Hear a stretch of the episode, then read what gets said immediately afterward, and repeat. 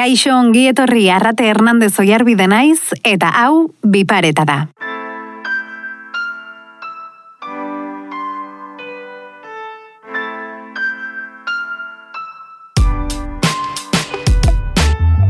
Ondo dago nik Australiako pertsona batekin WhatsApp bidez komunikatzea. Oso ondo dago, baina nire etxeko sukaldean ezin badete erabili nire tresneria, ze egiten du. Laguntza eskatu berdet nire eguneroko oinarrizko bizitzarako. Niretzako garrantzitsuena da edo e, oinarri bezala eta irizpide bezala daukat edo zein hizkuntza errespetatu behar dela eta sustatu behar dela.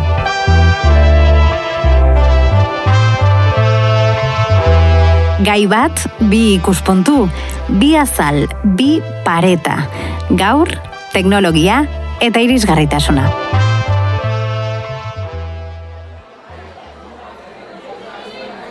Josean Txintxurreta eta Ramoni Jauregi pertsona itxuak dira, begiriz elkarteko kideak. Gaixo, ni Josean naiz, eta emerezi urtekin, kaldo nuen ikusmena e, institutu baten bitartez. Ni Ramoni naiz, eta e, zan nahi dut, bani itxua beti, beti zan naiz, nola baita ikusmen morristua izan unen txigitan, geroz eta gutxiago denbora horrea junala, eta oain oso txigila da. Entzuten dutenak inguruko hotzek ematen diete informaziorik handiena, belarriekin ikusten dute.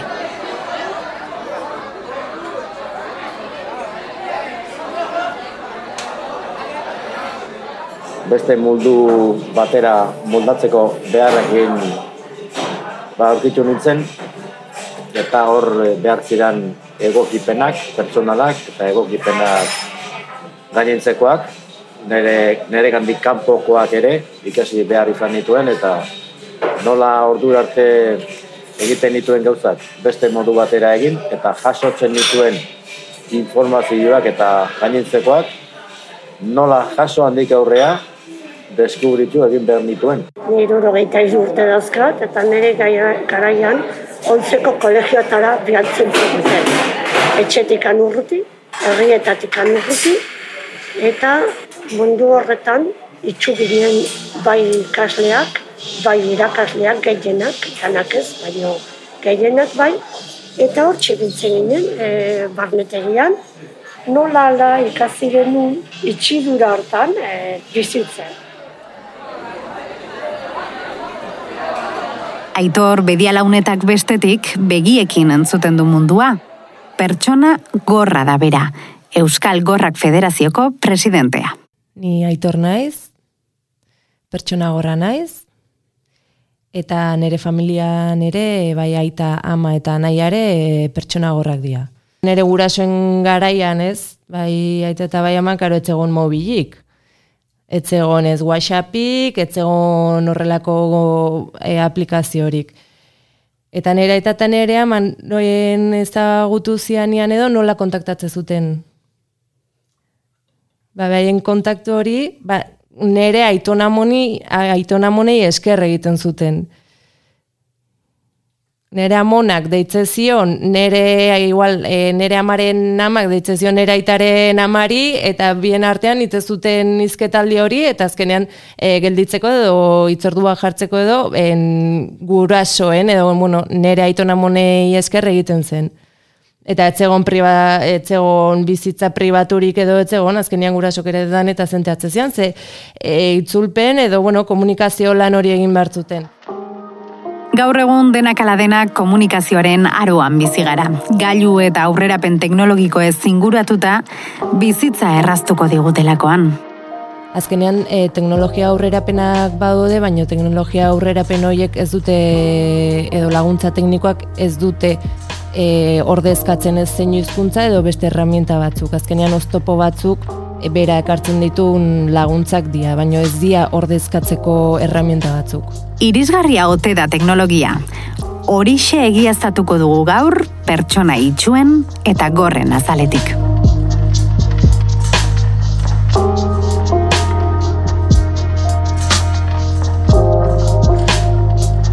Esaten dute zentzumen bat falta zaigunean beste bat indartu egiten dela Kasu honetan, e, ikusmen urritasuna izan da, entzumena indartzen da, edo inda, entzumenak e, garrantzi handia edo presentzia handia hartzen du.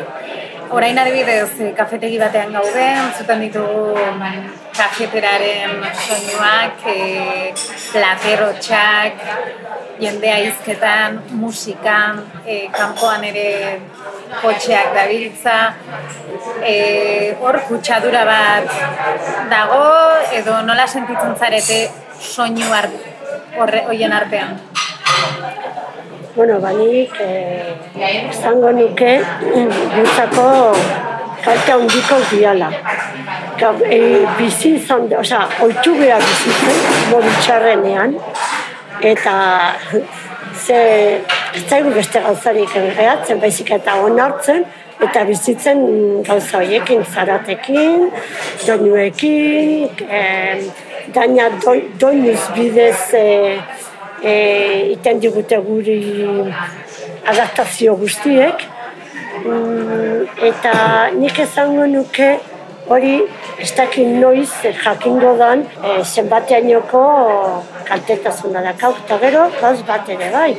E, oain, e, adibidez, zuputen baldin mazea, telefonuaren GPS-arekin, uh -huh. ba, zu, zuten baldin mazea, bestek ez entzuteko zaizan egiten, aurikularrek ez hartzea. Aurikularra, horrean batean, bestearekin adikun bertzea. Entzun behar duzu nuntzauden ze gertatzen nahi da kale horretan, ze gertatzen nahi da espaloi horretan. E, orduan, klaro, ja murriztua zentzutzen zea, zure entzumena murriztua dago. Entzun behar duzu ze zaten nahi zaizun, eh, bazapa, oi, barkatu... Eh, Moikorra. Moikorra. GPSA. GPSA. Beste aldetikan, deia batak badima dekezu. Beste aldetikan, eh, eta gainetikan, ba, makilarekin, makilarekin kunbertzea, porque moitxu bertzea, eh, kunbertzea leku batetara, trastez beteta dago espaloi guztiek. Eh, izan nahi dut, traba izugarria dazkagun da.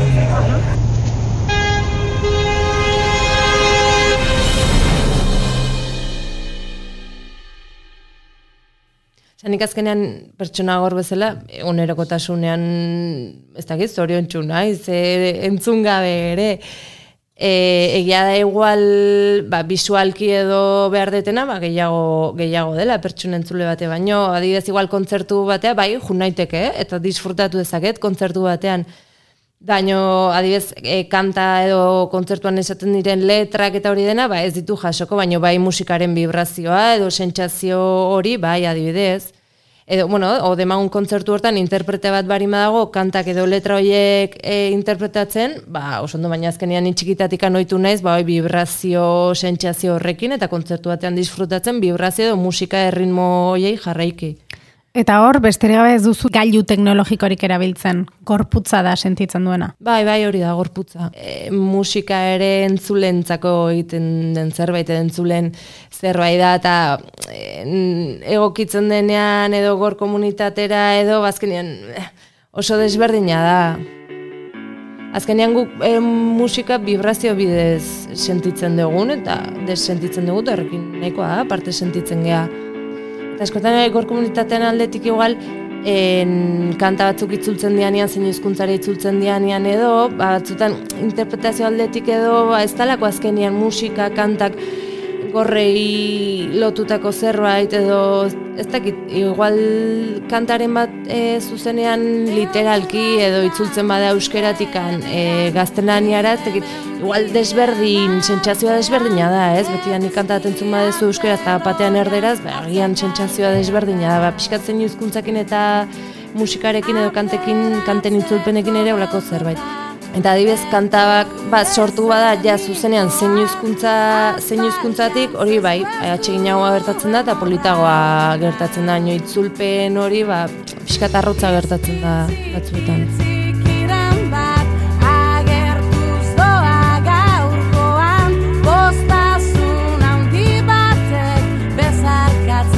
Kasetarekin grabatzen zutela klaseak, etxea gero, oidana brailez pasa, nola bai murriztu klase horiek, kriston lan egiten genuen, eta ganak norberak egin behar zuen. Eta nahi gainez, para mas kolmo, gustatzen zitzaidan, lo más difícil, las ciencias. Eta hor sartu nintzen buru belar.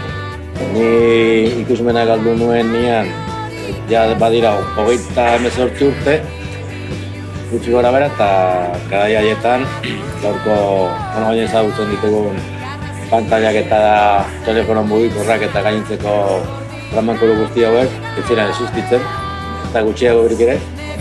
Claro, orduan, egunki, egunkari bat irakurtzeko, ba, paperian bakarrik egoten zen. Ez zen formato zera, digitalikan. orduan, ba, beste batek irakurtzen zizun egunkaria, hola eta hori gauza guztiako, liburu bat irakurtzeko, edo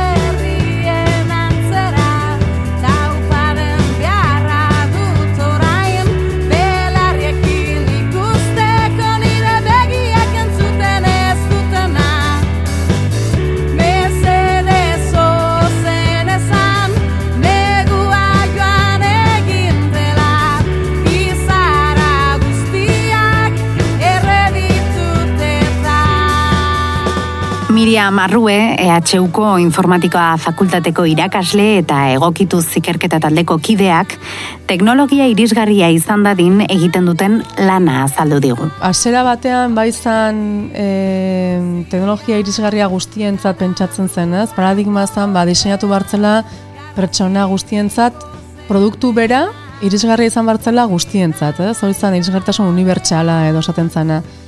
Eta orain bai, e, ari dela pentsatzen, ba, pertsona bakoitzarentzat egokitu behar dela teknologia hori, ez? Eta orain lan asko dago, ba, egokitze horretan. Ba, hor eh, azkenean mugikorran ditugun aplikazio askok datuak lortzen dituzte, ez? Gure nola erabiltzen ditugun gauzak, zer egiten dugun egunero, ze beharrak ditugun azkenean, eta horrekiko egokitzen hasi dira gauzak. Hor falta da pixka bat, ba, egokitzea baita ere, ba, behar berezietara, ez? Baina, bueno, nik uste bide horretan e, bagoa zela eta eta ondo ari dela e, arlo hau mugitzen, ez, horretan. laro geiko amarkada bukatu eta ondora laro geiko amarretik aurrera ziola, ja, agertu ziren, nire ustez orain daño izan dan e, guretzako, ikusmen urritasuna dugu pertsonentzako, aurrerapenik handiena, nabarmenena, eta nik uste horri markatu dula, ja, etorkizunerako, beste abantaile egokipen moldaketa guztiak horrek markatu ditula, eta hori, pantalla irakurleen sorrera. Guk e, weba, e, weban inguruan egin dugu lan gehiena, eta horko araudia badoa kontatzen pixkanaka ba, sartzen dituzun elementuak edo interfazeko elementu guzti horiek, osagai guzti horiek nola egon behar diren e, eginak irisgarriak izateko. iPhonea guretzako da telefono mugikor irisgarriena. De berak bere ganatu dauka Siri, eta voiceover sistema, eta orduan e, telefonoan menu guztian ateratzen diren agindu guztiak guri ahoskatu egiten digute. Bai, orduan bi- bihatzakein mugitzen bazera alde batera edo bestera telefonoan, basaten dizu hori bidez menuan zer dagoen. Nuevo chat. Buscar. Chats archivados. Listas de difusión. Crear grupo. Arrate danza. Ave Cantuz. Marina Prieto. Eneritz Belgarray. Donostiarra. Mensaje. Mensaje. Bai. Mensajes. Orduan nik esaten badiet ari bidez, Contactos. llamar, arrate danza, Llamando a Arrate danza. ¿sí? llamando arrate danza, ja, han deitzen nahi da zuri. Bai, zini Ah, ah. naiz arrate dantza. Bai, arra, arrate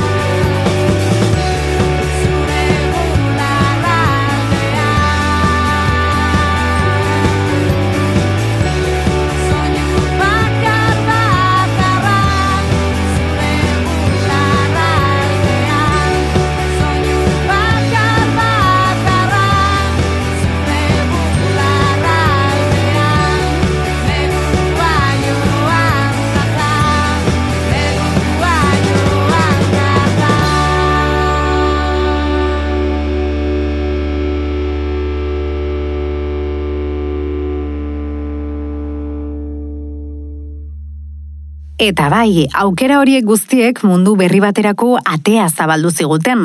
Internetekin sarearen handitasuna deskubritu genuenean bezalaxe.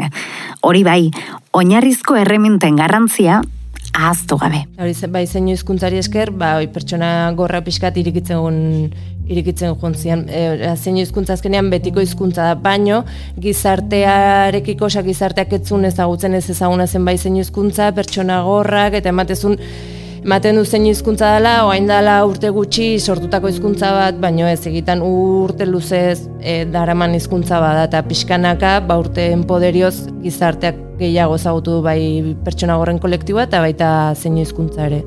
Azkenien, e, guztiz irisgarri litzaken egoera baten edo litzake pertsona orok jakitea zein hizkuntza. Osea, bai entzulea, bai pertsona gorrak, osea, azkenean jende guztiak edo mundu guztiak jakingo balu zein hizkuntza, ez litzake egongo inongo irisgarritasun arazorik.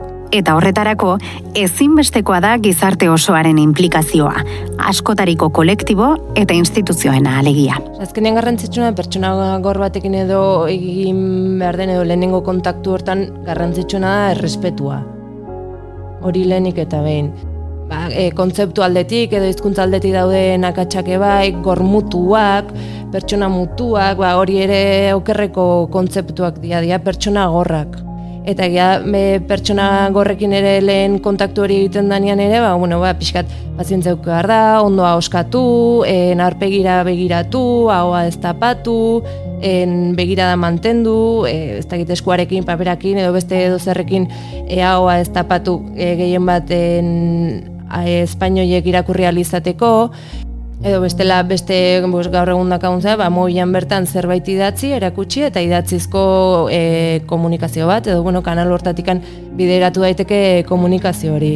Eta askotan pasatzen da ere igual lehenengo kontaktu hortan pertsona entzuleak edo ba igual oio egiten dutela gorra naiz ah ba, oio ez ez ez da ez da zentzurik ez ez da beharrezkoa. Nik adibidez ez dut ezertxo ere entzuten e, egin edo ez. Orduan hori ere ba en pixkat e, pauso horiek ere jakita garrantzitsua da. Darrepenteko saltu izugarri joek, agian ezin gure burua o gure e, oiturak ezin moldatu bapatean horretara eta agian e, tarteko eskaloi txiki batzuk junbergea aztertzen eta egia da pixkanaka bai gizartean ba, begiak irikitzen ari dela eta ateak ere pixkanaka irikitzen ari direla, baina bueno, ez da nahikoa, ere ez esaten nahi lege bat atera zela 2000 garren urtean eta gaur egun oraindikan bueno, ez dela aplikatzen behar bezala eta beharrezkoa da ere gizartean bai sentsibilizatzea, ezagutaraztea eta eta bai en, gor komunitatea eta ezagutaraztea. Bagoaz aurrera, eta horregatik gaur egun munduak Nahial Di bezalako erreferenteak ditu. Aurre iritzi guztien kontra pertsona gorrak ere gizartearen parte direla erakusten ari da munduan zehar, dantzari eta modelo aktivista. Dancing with the Stars estatu batuetako dantza txapelketa irabazi zuen pira bikotearekin batera. Niall and Peter, Paige and Mark, the winners and new champions of Dancing with the Stars are.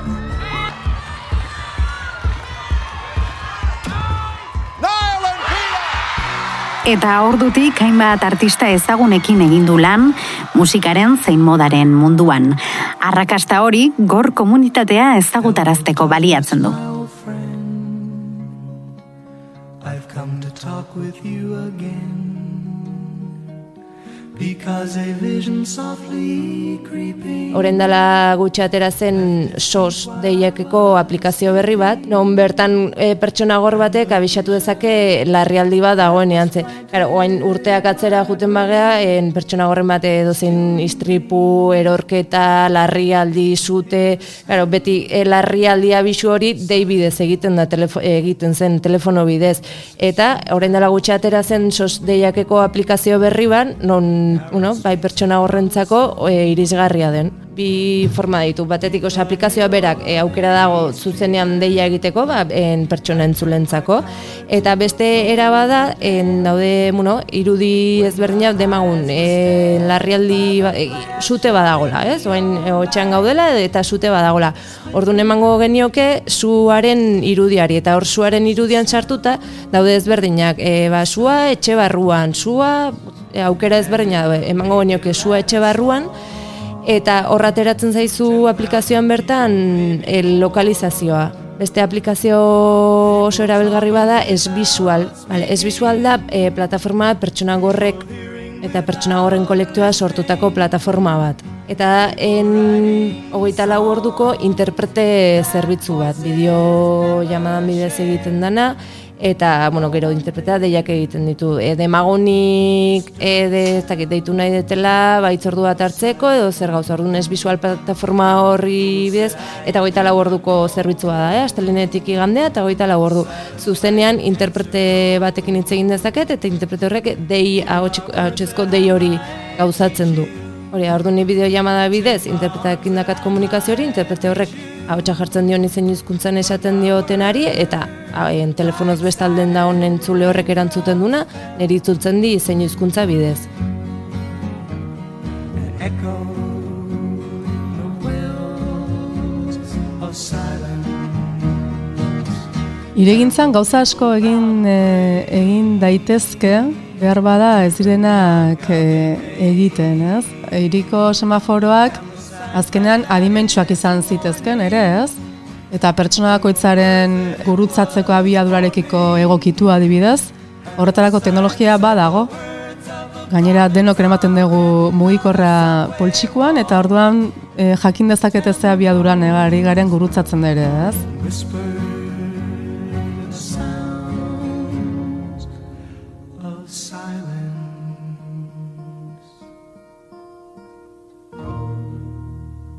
Baina irisgarritasunaren izenean hartzen diren erabaki asko, itxu-itxuan hartzen dira, eta ez diziplina anitzeko taldeetan. Azkenan hori da garrantzitsuena, ze berek, beraiek dakite ze beharrak dituzten, eta guk egiten deguna ere frogatu behar dugu benetan irisgarria dela beraiekin, ez? Eta hor eh, akatsak eh, ba, detektatu eta konpondu ahal izateko.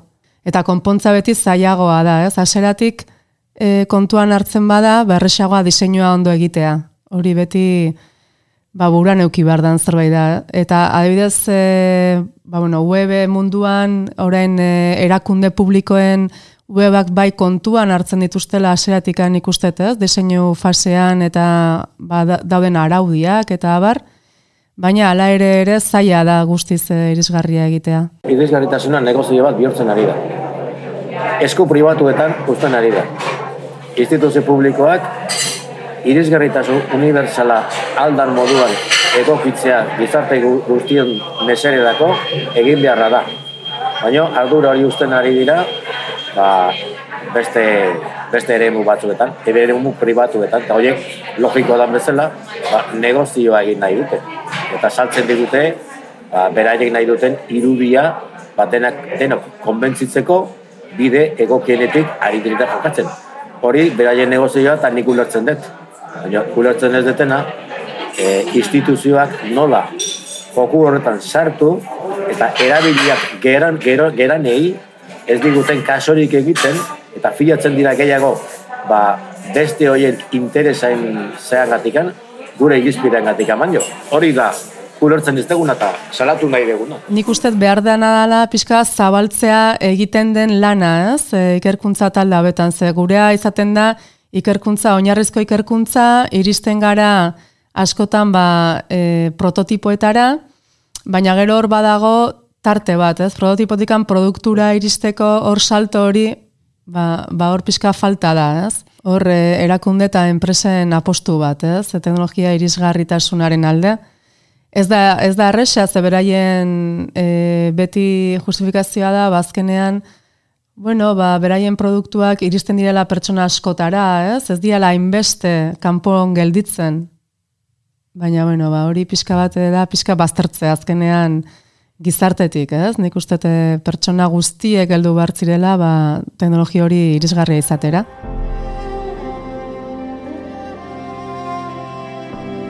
Egitan egiten ez dago datu zehatzik, baina gutxi gora bera zeinu hizkuntzan ni bezala zeinu hizkuntzan hitz egiten duten pertsonak, lau mila lareun, lau mila bostun bat pertsona gara, zeinu hizkuntzako erabiltzaileak. Euskal Autonomia Erkidegoan. Euskal Autonomia Erkidegoan hori da. Bai, ze Federazio Euskal Autonomia Erkidegora mugatzen da eta gero ba, gutxora datu zehatzako esaten zuten bezala datu zehatz zehatzak ez daude.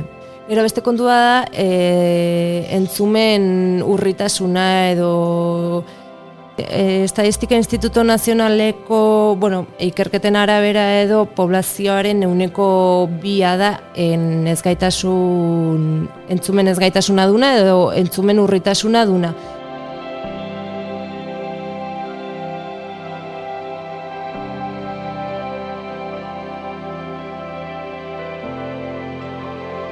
Konfiantza izan behar dugu teknologiaren gan, erabiltzen ikasi eta eskaintzen dizkigun erraztasunak aprobetxatu. Baina, denak balio aldu. Ia da, en laguntza teknologikoak e, bai irisgarritasunean asko lagundu dutela. Baina oso garrantzitsua da ere zeinu hizkuntza hizkuntza bezala hori bermatu, hori sustatu eta bideragarri egitea ere. Zegia da jende asko pentsatzen dula teknologiaren aurrerapenan gatikan edo laguntza teknikoakin teknikoi esker zeinu hizkuntza en ja ba ez dela beharrezkoa, baino en ez da esan dudan bezala ez da ordezko zerbait baizik eta lagungarria eta paraleloa daian laguntza batzuk. Denok merezi baitugu toki bat gizartean, eta aukerak ere denontzat izan behar dira. Etorkizunean jarriko dugu hori lortzeko esperantza, eta teknologiaren gan ere bai. Hala, sirik ikasiko du noiz baita euskeraz, eta entzumen ikusmen edota bestelako urritasunen bat dutenek ere, lan merkatuan sartzeko aukera izango dute.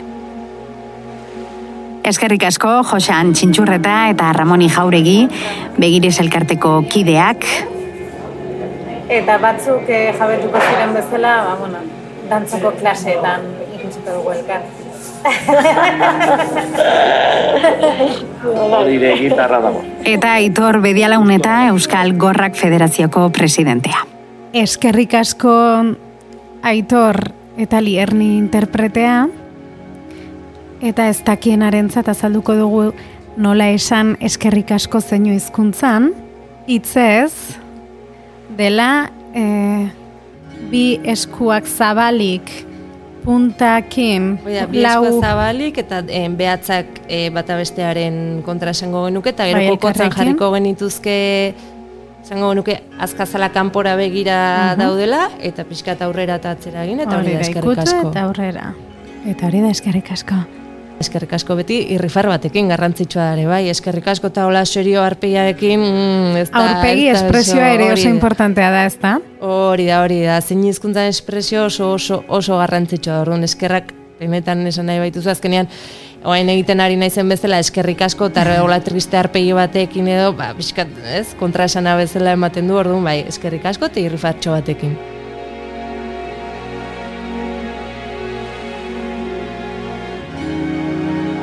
Irrifar zabal-zabal batekin, datorren astera arte, besarkada bat.